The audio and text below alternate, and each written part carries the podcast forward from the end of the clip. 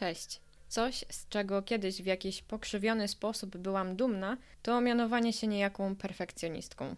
Perfekcjonizm, ten w moim przypadku, przejawiał się w postaci najlepszych ocen w szkole, medali na zawodach sportowych, w postaci brania udziału w każdym konkursie, do jakiego się nadawałam lub wykazywałam jakikolwiek talent, kompulsywnego odrabiania prac domowych, osiągania stypendiów naukowych na studiach i kończenia ich z wyróżnieniem.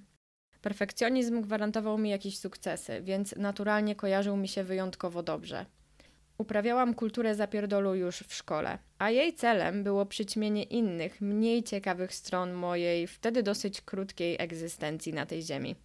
Po studiach świat wylał mi kubeł zimnej wody na głowę. Wyróżnienia nie zagwarantowały mi łatwego wejścia w świat zawodowy. Perfekcjonizm zniechęcał mnie do każdego nowego hobby, na które w końcu miałam czas i środki. Perfekcjonizm generalnie zaczął mnie przytłaczać i chyba dopiero wtedy, gdzieś tam z tyłu głowy, świtało mi, że perfekcja przecież nie istnieje. Nie istnieje, mimo tego, że w popkulturowych programach w telewizji ciągle wtłacza nam się, że należy być perfekcyjną panią domu, perfekcyjną panną młodą, mieć perfekcyjne ciało i karierę. Nie mówiąc już o tym, że ten przekaz w dużej mierze skierowany jest do kobiet. Perfekcja nie istnieje, więc próba jej osiągnięcia to praca w dużej mierze na darmo. Zażynanie się w imię jakiejś ułudy, czekanie, które może trwać wieki. Lepiej zrobić coś nieidealnie, niż nie zrobić wcale. Z tego też powodu chciałabym podrzucić Wam kilka argumentów przemawiających za tym, że lepiej się od tego tałatajstwa uwolnić. Perfekcjoniści często stawiają sobie nierealistyczne cele i oczekiwania w stosunku do siebie. Ryzyko, że nie uda im się ich ogarnąć, jest wysokie i może w negatywny sposób wpłynąć na ich samoocenę.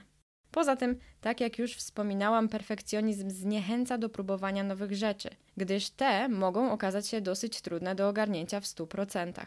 Uwaga przekierowana zostaje na czynności znajome i proste, często nudne i monotonne.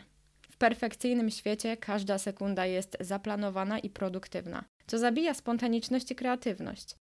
Nie ma miejsca na nagłe pomysły i zmiany harmonogramu. Perfekcjoniści żyją w ciągłej obawie, że czegoś do końca nie ogarną, że coś przeoczą. Boją się krytyki i unikają jej jak ognia, co w wielu przypadkach oznacza, że nie publikują swoich dzieł, nie biorą odpowiedzialności i generalnie unikają ludzi. Nieperfekcyjność stawiają na równi z porażką.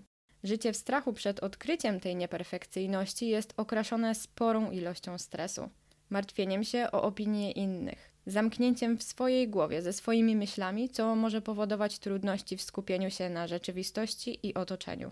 W dodatku perfekcjonizm może nas sporo kosztować i mówię tu o pieniądzach.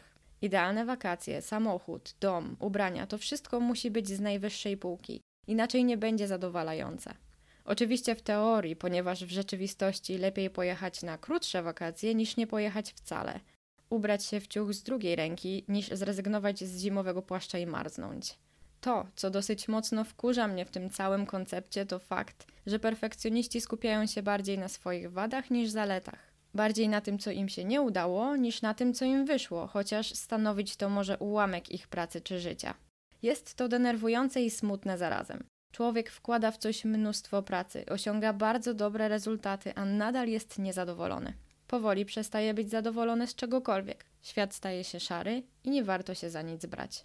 Ta tęsknota za ideałem odbiera radość z życia i w dłuższej perspektywie może negatywnie odbić się na zdrowiu psychicznym. Nie uśmiercam jednak perfekcjonizmu tak całkiem.